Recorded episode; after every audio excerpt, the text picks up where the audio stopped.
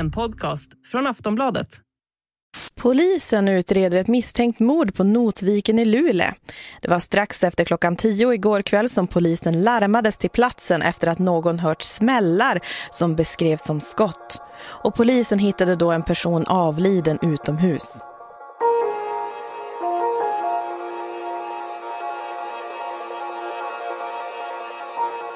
Pistolskotten ekade över Notviken i Luleå och det intilliggande bostadsområdet. På några sekunder hade en människa bragts om livet. Tillvägagångssättet påminde om en ren avrättning. En kvinna i 25-årsåldern föll offer i vad som såg ut som en uppgörelse i kriminella kretsar. Vem var hon? Vad fanns det för motiv? Och hur ser utvecklingen ut? I vilken omfattning sprider sig gängkriminaliteten från storstäderna till mindre orter? Det ska vi titta närmare på i det här avsnittet av Aftonbladet Krim. Jag heter Anders Johansson.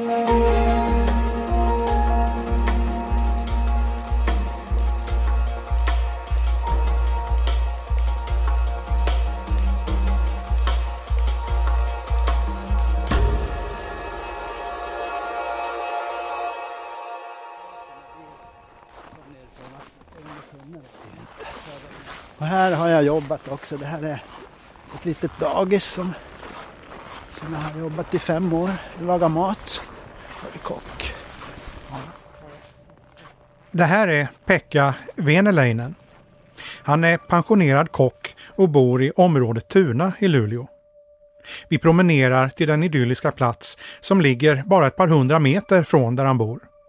Stranden vid en del av Luleälven som kallas Notviken. Vi är här för att prata om en händelse som utspelade sig här den näst sista dagen i juli förra året. Vi kommer till den händelsen snart. Just idag visar termometern 18 minusgrader och hela viken är täckt av is och snö. Det är en strålande fin vinterdag och det är lätt att bli bländad av det starka solskenet. Det är tyst och stilla. På somrarna brukar det se annorlunda ut här. Det, det är en stor sandstrand här som är väldigt populär. Och en eh, populär grillplats också för familjerna. De brukar gå, komma uppifrån från hyreshusen ner och grilla här. Hur mycket folk är det då? Ja, det kan vara en hundra. Och plus det också om det är riktigt fint, om det har varit fint flera dagar. Ja. Det. Ja, det kan man förstå här alltså. Det... Man kan ana det i alla fall att det är en fin strand under snötäcket. Här. Ja, och det är väldigt långgrunt. Alltså man, kan, man kan gå nästan 100 meter ut och då når man till knäna ibland. Vi kan ju också ha högvatten ibland men ofta är det väldigt grunt så man kan gå långt ut. Hur ofta är du här? På somrarna är jag nog här, åtminstone på bryggan, nästan varje dag. Ja, när jag är hemma så är jag, så är jag här nere och, och promenerar också ut mot, jag har ju promenadvägar som går runt hela Notviken här så. Och hur är det här på sommarkvällarna då? Sommarkvällarna kan det vara ungdomar som är längst ut på bryggan och roar sig. Hänger där och kanske de dricker någonting och ibland också de här äldre ungdomarna. Men, men det, någon fylleri har jag inte varit med om här. Just på den här platsen. Någonsin faktiskt. Och inga otäcka andra saker? Nej, det, kan, det måste jag säga att det, har, det är väldigt lugnt här för det mesta. Väldigt lugnt när det gäller det här, om man tänker på buset. Då. De, är, de är ju nog på andra ställen. Kvällen i somras som det här avsnittet handlar om, den 30 juli, var en sån lugn och fin kväll som Pekka Veneläinen berättar om. Men det skulle plötsligt bli annorlunda. Då var det mycket sport på tv. Så jag satt ju, då när det hände satt jag och tittade på tv och hade balkongdörren öppen och det var sent på kvällen. Just de här veckorna är det sommar-OS och Pekka sitter och kollar på datorn. Plötsligt hörs något utifrån. Men jag satt och tittade på, på datorn inne i sovrummet när jag hörde de där skotten. Så då sprang jag ut på balkongen. Jag skulle titta först vad det var. Men eh, när jag inte såg någonting så då, ring, då tänkte jag att jag ringer, ringer polisen så fort jag bara kan.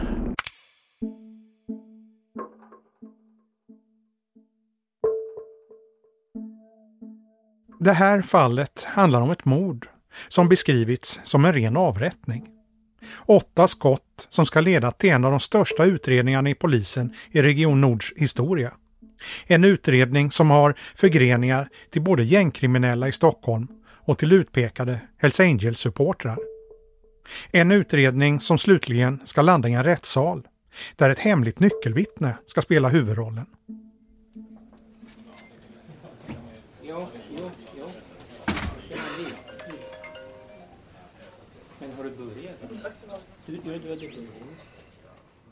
Vi befinner oss i Luleå tingsrätt.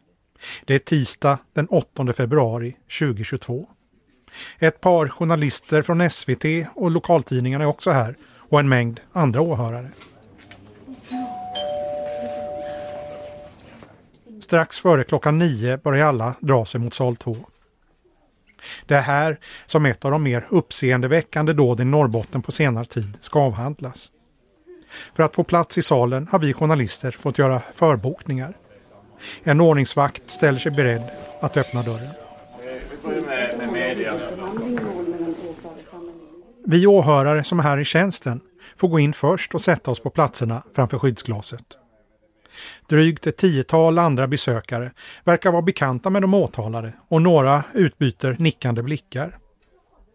Där framme sitter redan den sju personer starka rätten samlad. Fem nämndemän, notarien och domaren som är rättens ordförande. När vi bänkar oss förs de fyra tilltalade in och får sätta sig bredvid sina respektive advokater.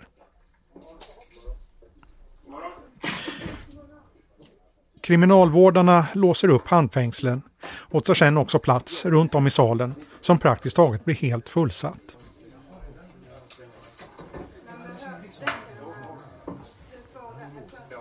Domaren Stefan Lundstig börjar med att lösa några praktiska saker. Däribland får en av tolkarna avlägga ed. Du, du har inte avlagt generell tolked vid Luleå tingsrätt har jag fått uppgift om. Nej, så jag tänkte vi kan ta en sån ed då innan vi inleder. Nyckelvittnet som är målsägare är med på länk från hemlig ort med sitt målsägande beträde. Så kommer vi att följa den planering som åklagarna har föreslagit och som ni har fått del av. Eh, och i korthet innebär det då att eh, den här dagen ska ägnas åt yrkanden och sakframställningar.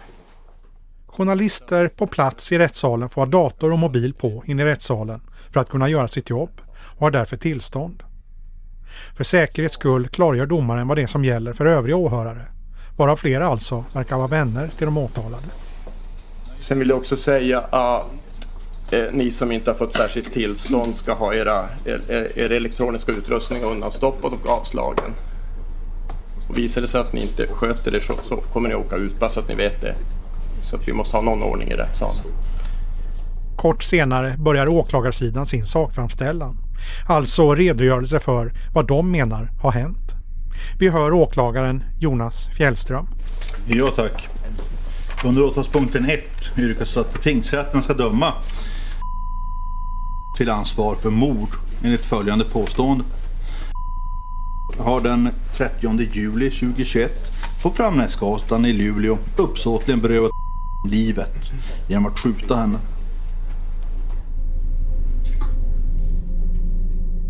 Det här målet kretsar alltså kring en händelse som utspelar sig en varm sommarkväll den 30 juli 2021.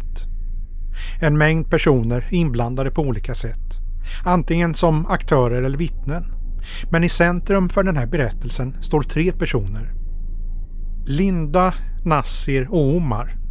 Mordoffret, nyckelvittnet och den misstänkte mördaren. Som alla egentligen heter något annat. Det hela bottnar i en konflikt som inbegriper alla tre. Och en bil. En silverfärgad BMW.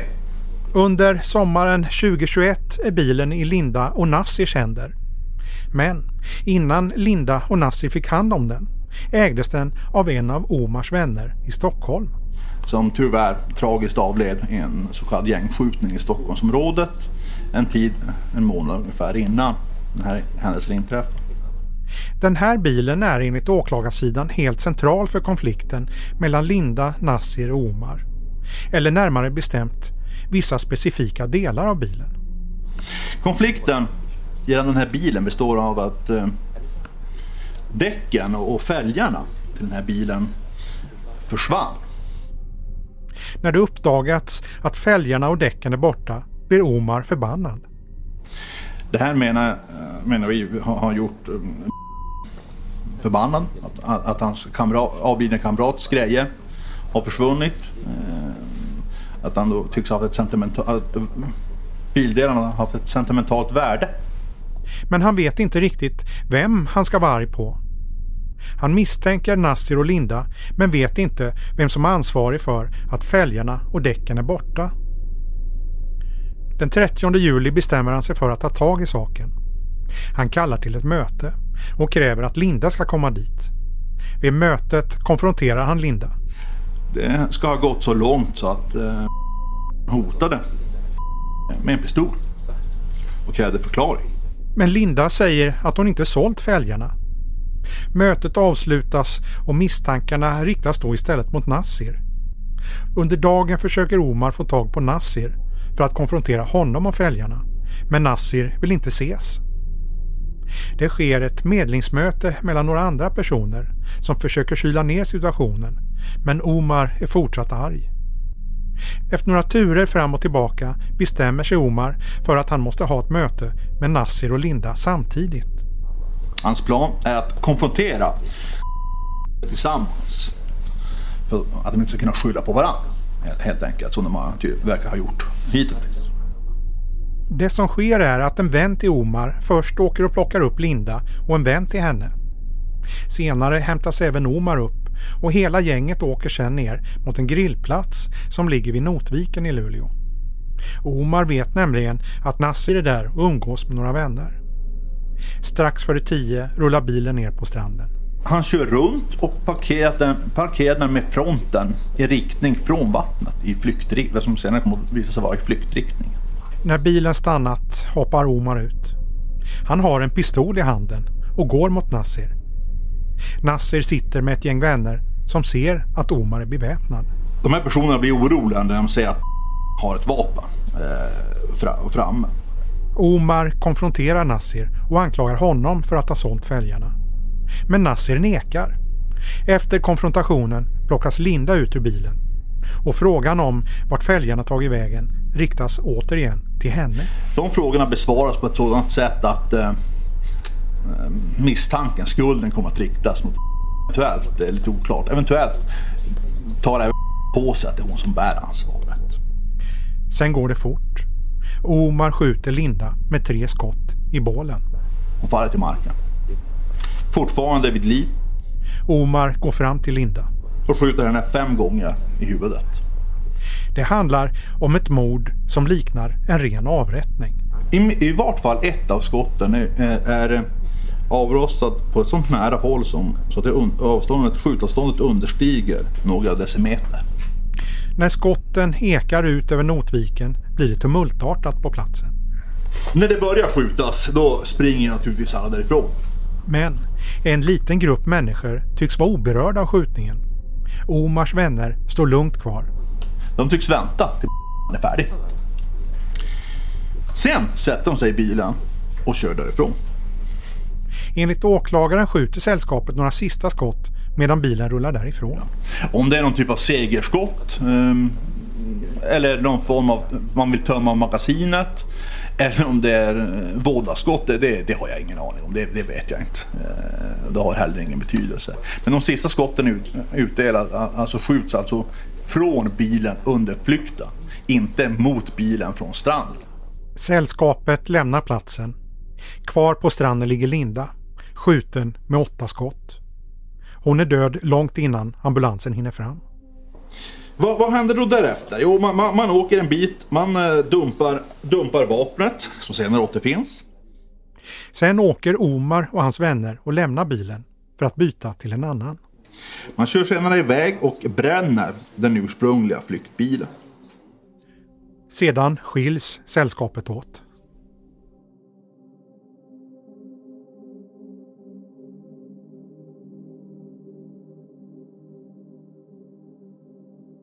Skottlossningen river sönder lugnet vid Notvikens strand. En av alla grannar som reagerar är Pekka Veneläinen som vi hörde i början av avsnittet. Han ringer 112 direkt när han hör smällarna. Och det tog några minuter innan han blev kopplad då. Från distriktet ner på Luleånivån och allt det här. Och sen tog det 10 minuter så var det full fart. Det var 10-12 minuter så kom eh, det massor med polisbilar som körde. De körde alltså inte fram hit så mycket utan de körde in i där jag bor, den gården. Ställde oss utanför. Ja. Så. Och du säger att du hörde skott. Vad, vad, vad, hur, hur lät det? Ja, det lät... Jag har ju gjort lång, lång militärutbildning eftersom jag var befäl. Så jag, jag vet hur pistoler låter. Att det, det här där var inga smällare, det var pistoler. Det är, en, en pistol har mycket mer metalliskt ljud än smällare. Smällare mer dova. Så då, jag sa det, jag har hört pistolskott. Så. Jaha, alldeles i närheten? Ja, mycket nära. Eftersom jag hörde det väldigt tydligt. Så... Hur, må hur många skott var det? Ja, det där har, de, de, de säger att det var många skott som avlossades. Men jag hävdar att jag hörde fyra skott.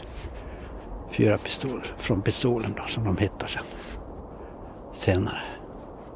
Ja. Men då när du hörde de här skotten och förstod att det var pistolskott, vad, vad, vad tänkte du hade hänt? Någon galning som helt enkelt bara hade skjutit i luften. Det, det, det lät så himla tydligt. Men det var inga skott i luften. Det var en av Pekkas grannar som hade blivit skjuten. Den här kvinnan då som blev mördad, hon bodde ju nere på, mittemot mig nere på gård, andra sidan gården. Så det var ju insatsstyrkor och allting där. Med k-pistar och sköldar och innan de gjorde ändå en, en insats för att antagligen komma in till lägenheten som hon, suterränglägenheten som hon bodde i. För att kolla att det inte var några personer där. Då hade du ringt polisen och, och sen dyker de upp här några minuter senare. Vad, vad, vad, vad ser du? Ja, jag ser eh, poliser som stoppar folk. Det är inte så många, mycket folk ute och rör sig just då. Det är som sagt sport på tv och sådär. Eh, men de, eh, de gör det vanliga, fram med händerna, visa händerna, legitimation, ditt namn och sen får de ja, passera. Då. Det, var, det var mest det de började med innan de eh, började med den rent tekniska undersökningen. Då hade jag, jag, jag tror jag följde, följde det här i tre, tre timmar, om inte mer än tre timmar. Därför att det, det var ju hela tiden, hände ju hela tiden saker. Att det kom folk och, och, och de här äh, piketbilarna som kom med specialgrupperna då, poliser. Dagen efter läser Pekka om skottlossningen i tidningen. Det ska ta några timmar innan polisen går ut med att det handlar om ett mord. Ja, det, det var overkligt. Det var en overklig känsla. Jag har, jag har ju aldrig upplevt eller varit nära våldet på Tuna tidigare överhuvudtaget.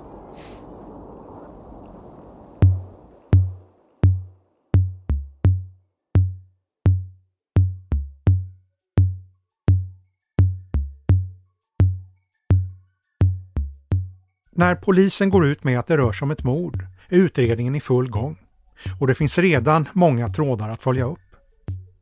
Pekka Veneleinen är inte ensam om att ha larmat polisen under kvällen. Tvärtom hör en mängd vittnen av sig. Någon har även lyckats få några av de misstänkta på en mobilfilm när de flyr från platsen. Polisen kan snabbt ringa in en misstänkt. Den som grips först är den som tros ha kört bilen under den aktuella kvällen. Sveriges Radio rapporterar. Den man i 30-årsåldern som anhölls efter dödsskjutningen på Notviken i Luleå i helgen har begärts häktad på sannolika skäl misstänkt för mord.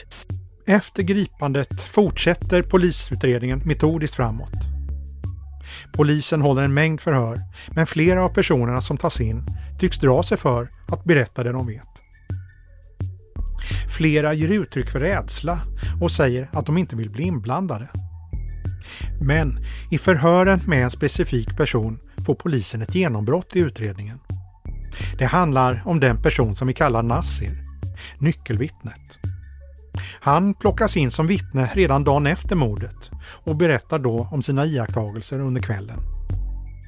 Under de följande veckorna tas han in flera gånger på nya förhör. Men polisen tycker att det är något i hans historia som inte stämmer. I slutet av augusti blir han själv misstänkt för mordet och tas på nytt in för ytterligare förhör. Och då verkar allt släppa. Han säger att han tidigare dragit sig för att säga vissa saker av rädsla för att bli indragen. Men nu när han själv blivit misstänkt tänker han berätta allt.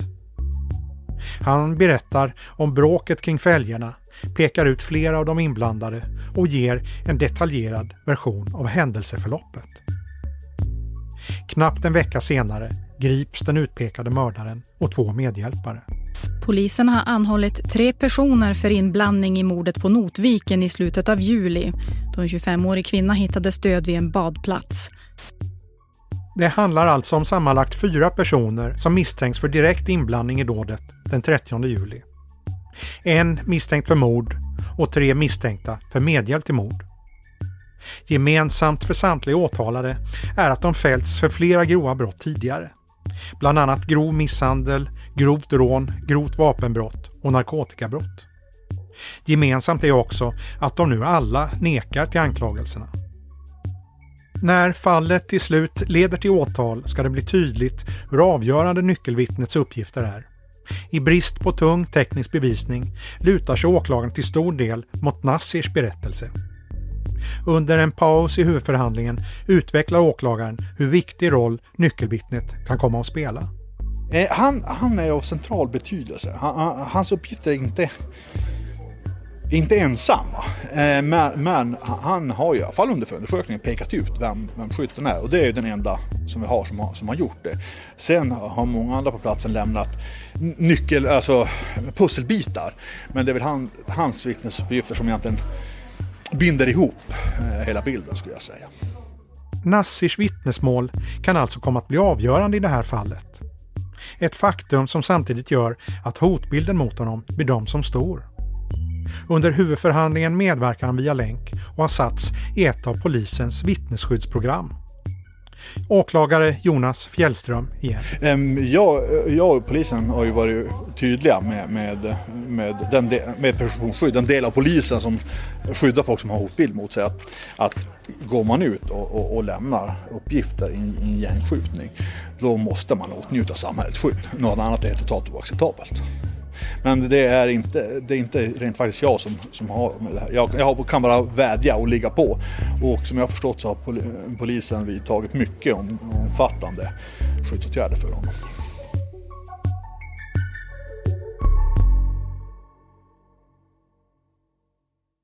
Som vi redan berättat kretsar det här målet framförallt runt tre personer. Nyckelvittnet är en av dem. Offret och den misstänkte gärningsmannen är de två andra. För att förstå det här målet måste man också se på deras bakgrund. Och vi börjar med Linda. När vi sökt hennes anhöriga har de flesta avböjt att medverka. När Aftonbladet pratar med Lindas farmor, som vi kan kalla Anna, beskriver hon en intelligent person som hamnat snett och drabbats av jobbiga motgångar. Inte minst med pappans alltför tidiga bortgång. Annas son, alltså Lindas pappa, dog under märkliga omständigheter efter en trafikolycka 2015. Han hade levt ett liv kantat av missbruk och var under en period del av gängkriminaliteten i norr som medlem av ett mc-gäng. Därför var det en otäck upprepning för Anna när också hennes barnbarn hamnade i fel kretsar. Linda växte upp på en mindre ort i Norrbotten flyttade till Luleå och utbildade sig till hårfrisörska, men jobbade inte som det någon längre period. Kort före mordet blev Linda själv åtalad för narkotikabrott och hon ska ha kämpat med en missbruksproblematik. Hon ska ha dragits med skulder och även utsatts för utpressning av en av de andra åtalade. När hon skjuts på stranden var hon alltså 25 år gammal. Farmor Anna försöker bearbeta sorgen och saknaden och försöker minnas de ljusa stunderna hon fick med sitt barnbarn. Ja, vi, vi hade en väldigt bra relation och trivdes tillsammans. Hon var jättesnäll och fin. Och oftast glad.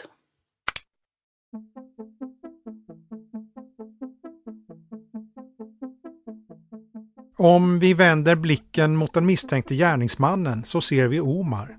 Den person som misstänks ha hållit i vapnet och avlossat skotten. Han har tidigare dömts för en rad brott och i hans personutredning finns det en detalj som gör att han sticker ut i sammanhanget. Han kopplas nämligen till ett kriminellt gäng som egentligen har sitt fäste i Stockholm. Enligt underrättelsetjänsten vid polisen är han en del av nätverket som kallas Shottaz Rinkeby 1. I utredningen av mordet i Notviken har polisen tagit fram en kartläggning för att visa på kopplingarna mellan Omar och Shottaz. Den andra åklagaren i målet, Kristina Andersson, läser ur utredningen för att rätten ska få en bild av vad det här är för gäng. Utöver sitt stora våldskapital i form av dödligt våld och grova vapenbrott är nätverket aktiva i grova rån, delaktighet i grov och synnerligen grov narkotikabrottslighet, tillgreppsbrott och bedrägerier samt otillåten påverkan riktat mot blåljuspersonal, målsäganden och vittnen. Lärdomar från de krypteringsplattformar som under de senaste åren har dekrypterats påvisar att aktörer inom eller med kopplingar till de kriminella nätverken i de utsatta och särskilt utsatta områden utöver egna konflikter är aktiva med att organisera och utföra rena kontraktsmord mot betalning. I samma underrättelserapport framgår att polisen kopplar Omar till nätverket. Underrättelsetjänsten bedömer mot bakgrund av informationsunderlaget om att, denna, att denne över tid gjort sig känd för att vara aktiv i synnerligen grov brottslighet och att ingår i gängnätverket Shottaz Rinkeby 1. Omar förekommer sedan tidigare under nio avsnitt i belastningsregistret. Första domen fick han som 16-åring 2018. Då dömdes han till ungdomsvård för ringa narkotikabrott, rån och övergrepp i rättssak. Han har sedan åkt fast för våld mot tjänsteman, narkotikabrott och olovlig körning, rattfylleri. Påföljderna har varierat mellan ungdomsvård på nytt, åtalsunderlåtelser och dagsböter. Men i början av 2021 fick han tre månaders fängelse. Mestadels har brottsligheten skett i Stockholmsområdet. Men sen Omar börjat vistas i Norrbotten den senaste tiden har han fortsatt med liknande brottslighet. Han är inte den enda som gjort den resan. Polispersonal i lokalpolisområdet Luleåboden har under senaste åren noterat att personer tillhörande kriminella gäng i utsatta områden har börjat vistas i Luleå och etablera kontakter med lokala kriminella aktörer. Har sedan hösten 2020 kontrollerats och observerats ett flertal gånger i Norrbotten. Bland annat med lokala kriminella aktörer som exempelvis fullvärdiga medlemmar i Hells Angels Luleå samt supportrar och sympatisörer till grupperingen.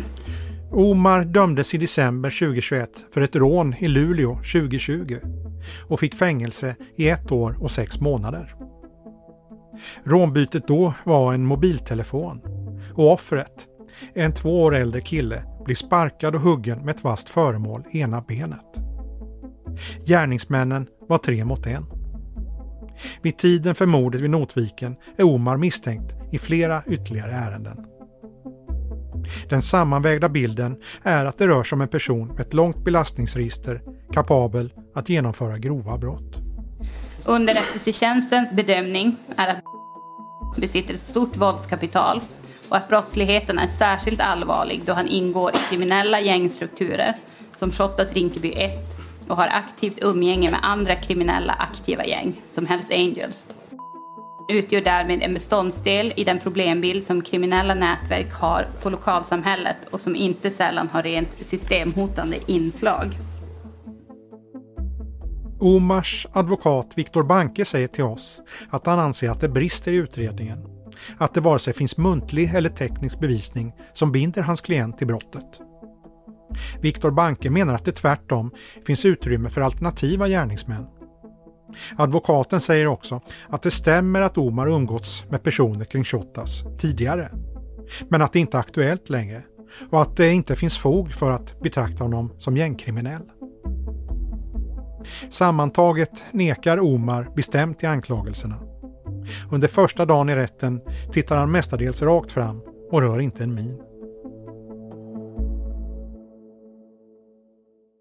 Omars livshistoria kan betraktas som ett enskilt fall. En person som tidigare knutits till ett kriminellt gäng som sen väljer att flytta till en ny stad. Men på ett annat sätt går det att se honom som ett tecken på en trend. Att storstadsgängen försöker expandera sin verksamhet till mindre orter. Kort sagt, att de kriminella gängen letar efter nya marknader. Den här utvecklingen framkom bland annat i en rapport från Brottsförebyggande rådet, BRÅ, som kartlagt narkotikamarknaden i Sverige och som regeringen beställt för att få fram ett brett kunskapsunderlag. En tendens under de senaste åren handlar om att smugglingen blivit mer professionell. Att det går direkt att beställa större partier från så kallade hubbar i Spanien och Nederländerna. Vidare har nya marknader uppstått genom att kunder kan köpa narkotika via appar och telefon. Katarina Tolin, som är rapportförfattare, säger att de ser en oroande utveckling det har blivit vanligare att kriminella nätverk strävar efter att äga lokala narkotikamarknader på olika platser runt om i, Sverige. Och det är framförallt i förortsområden till storstäderna som det handlar om. Det här var någonting som var ganska ovanligt för 15 år sedan, men idag är det en väldigt viktig del av den svenska narkotikamarknaden. Du säger äga lokala marknader är viktigt. Eh, hur syns det här? Eh, ja, det handlar ju om att det finns kriminella nätverk som gör anspråk på att äga olika platser. Eh, det gäller framförallt socialt utsatta områden eh, där personer som har en tidigare etablerad kriminalitet och är välkända i området eh, vill ha del av all typ av vinstgivande brottslighet på den platsen. Det handlar om att etablera ett kriminellt monopol och där ingår narkotika. Hur gick dina tankar när du fick veta huvuddragen om den här händelsen i Luleå? Att det var en yngre person känd från gängmiljö i Stockholm som var misstänkt? Eh, ja, det är förstås svårt för oss att kommentera enskilda fall, eh, både vad det gäller enskilda nätverk och platser. Eh, men utifrån det vi kunde se i det material som vi gick igenom i vår studie så är det här inte ett udda exempel utan det här är en oroväckande utveckling som vi också försökt beskriva i den här rapporten. Eh, och det handlar om att konkurrensen på narkotikamarknaden har blivit så stor på vissa platser där det finns många konkurrerande nätverk eh, i till exempel Stockholmsområdet som du nämner. Och det kan innebära att man försöker expandera sin verksamhet till andra platser för att få avsättning för narkotikapartier som man importerar. Eh, det handlar också om att eh, priserna på narkotika är högre i norra Sverige och det innebär att om du har en import av stora partier narkotika så kan du få ut ett högre pris för dem på andra platser i landet, även om du tar in dem inledningsvis till Stockholm till exempel. Men det är alltså en tydlig trend att gängkriminella från storstäderna expanderar och söker sig till mindre orter? Ja, det, det är någonting vi kunde se återkommande i det underrättelsematerial och förundersökningsmaterial som vi gick igenom. Hur agerar de på de här mindre orterna? Ja, det, det, går inte att beskriva på något enkelt sätt utan det, det finns en, en, stor variation eh, från att man egentligen etablerar underleverantörer till narkotikapartierna och alltså att man inte är delaktig i narkotikamarknaden på platsen utan man, men man är en stor distributör till platsen till att man faktiskt också försöker äga områden på samma sätt som man gör i socialt utsatta områden runt om storstäderna. Så att man gör anspråk på att upprätta ett kriminellt monopol på platsen. Så det finns liksom en variation där. Hur tycker du att man ska se på den här utvecklingen? Men vi tycker att den är oroväckande och vi lyfter fram den som en av de eh, oroväckande tendenser som vi kunde se vad det gäller narkotikautvecklingen i stort. Vad kan samhället då göra? Ja, vi, har, vi lämnar ju flera förslag i rapporten, eh, ett stort antal förslag om hur eh, samhället kan förbättra sin förmåga att minska tillgången på narkotika. Eh, men vi har inga specifika förslag vad det gäller just den här utvecklingstendensen. Däremot så ser vi ju att den ställer större krav till exempel på att eh, poliser i olika polisregioner delar information med varandra. Så att till exempel polisregion norr har förmodligen ett, ett behov av information från eh, polisregion Stockholm eh, för att eh, få bättre kunskap om den brottslighet då som etablerar sig på andra platser. Så det, det är en utmaning eh, för rättsväsendet vad det gäller informationsdelning. Vad den här utvecklingen har för påverkan på lokalsamhället har inte undersökts närmare i den här studien. Att det exempelvis skulle bli fler skjutningar på de mindre orterna inte en självklar direkt följd av att narkotikahandeln ökar, menar brottsforskaren Katarina Tolin. Däremot kan det finnas en indirekt koppling.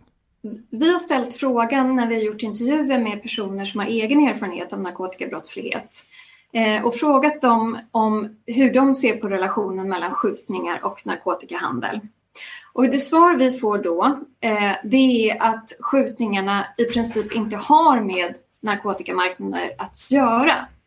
Utan att det i första hand eh, är en fråga om eh, makt och heder och status i den kriminella miljön. Eh, men med detta sagt så ser vi också att makt och status och heder i den kriminella miljön är många gånger en förutsättning för att vara en narkotikaaktör och ha kapacitet att ta in narkotika och distribuera narkotika i Sverige. Så det finns ju indirekta kopplingar eh, mellan skjutningar och narkotika. Och det förekommer också som bekant konflikter om att äga platser där man styr över narkotikaförsäljningen och narkotikadistributionen.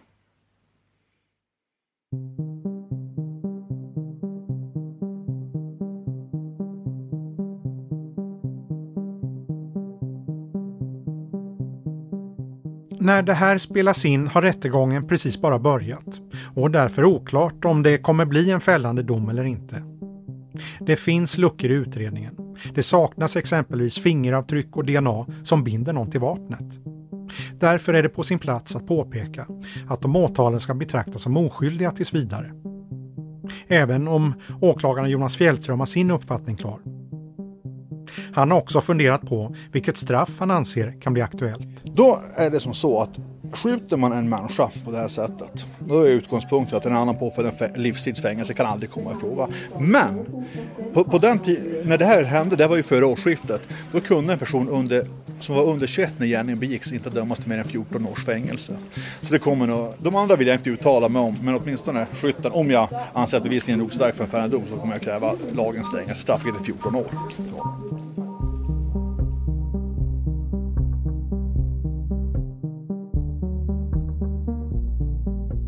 Oavsett vad det blir för rättslig utgång har händelsen satt sina spår. Mordet har haft, för att använda det uttryck som används i en av personutredningarna, en negativ påverkan på lokalsamhället. Pekka Veneleinen, som vi pratade med tidigare i avsnittet, beskriver hur han och grannarna i Tuna pratat mycket om det som hänt och att det påverkat stämningen i området. Jag har, jag har känt ibland att, att tryggheten är inte riktigt densamma. Jag kan, jag kan tänka på att jag ibland tittar bakom ryggen. Och det gjorde jag aldrig när, den tiden som var före när de här, de här våldsbrotten skedde. Jag eh, behövde låsa aldrig dörren när jag skulle till tvättstugan eller låste knappt cykeln när man ställde den i cykelstället. Det, var väldigt, det kändes väldigt tryggt, måste jag säga. Och bra grannar, som ställde upp och, och bra kontakt med grannar. Och, jag, jag, det, det, var ingen, det var ingen skön känsla som kom efter det där, den där händelsen. Även om ingen blivit dömd när vi spelar in det här anser Pekka att det känns som en stor lättnad att polisen lyckades ringa in en grupp misstänkta. Och att det känns bra att det gått att säkra bevis som räckt för ett åtal. Att de misstänkta sitter inlåsta i häkte. Att fallet kommit så långt känns bra. Ja, det har ju stor betydelse. Jag, jag tror att man alltid vill veta sanningen. Särskilt vid sådana här svåra tillfällen.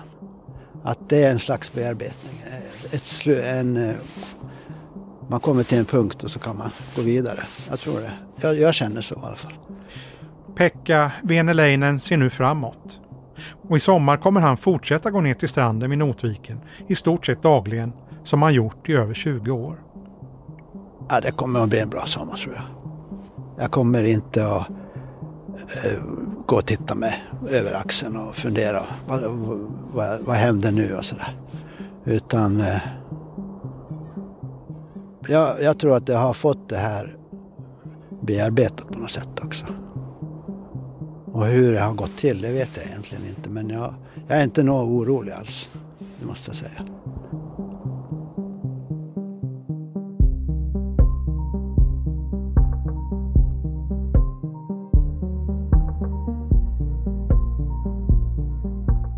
Du har lyssnat på ett avsnitt av podden Aftonbladet Krim.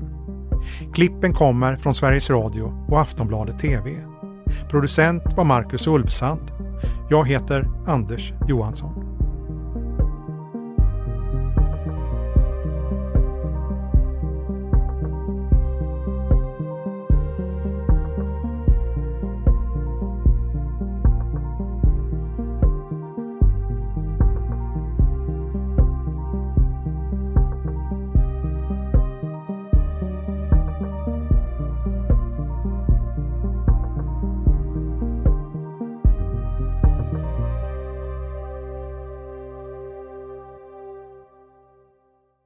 Du har lyssnat på en podcast från Aftonbladet.